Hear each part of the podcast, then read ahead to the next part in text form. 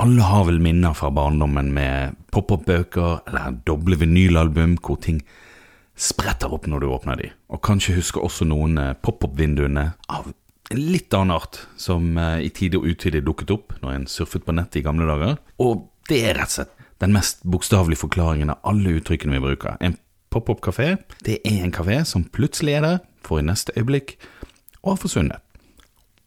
Borte vekk. Tittei. Borte vekk. Tittei.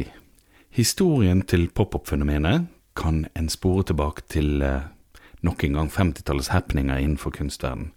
Da hadde man behov for å komme seg ut av de tradisjonelle institusjonene, og fant da en nedlagt fabrikk, eller et tomt kontorlokale, eller egentlig hva som helst som var ledig når man trengte det, og som vanligvis ble brukt til noe annet.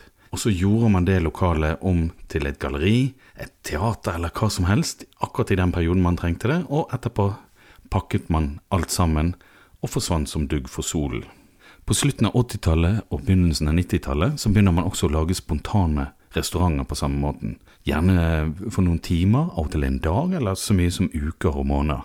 Enten så var det her for å teste ut et uh, nytt konsept, gjøre et stunt, eller rett og slett fordi man ikke hadde økonomi til å starte en restaurant, og fikk lov til å låne et lokale i noen uker mens det var ledig mellom leietagerne. Men så skjer det noe spennende som snur opp ned på hele matkulturen. Etter den økonomiske krisen i 2007-2008 så var det veldig mange ekstremt dyktige kokker som hadde måttet legge ned enten restauranten sin, eller så hadde mistet jobbene sine. Å investere i nye restaurantlokaler er kanskje ikke det første man gjør i nedgangstider. Så i etterslepet etter denne krisen så ser man en fornyet interesse for pop-ups og ikke minst food trucks.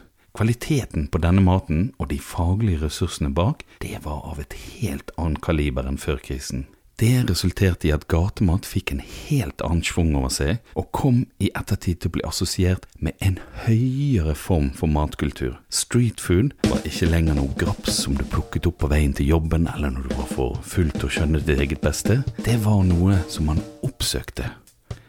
Og ikke minst noe som hipsterne oppsøkte. Og sånn ble gatemat og pop-opp viktige elementer blant dagens in-crowd, og er kanskje en av de mest spennende mattrendene i nyere tid. Selvfølgelig da ikke i nærheten av så interessant som skum.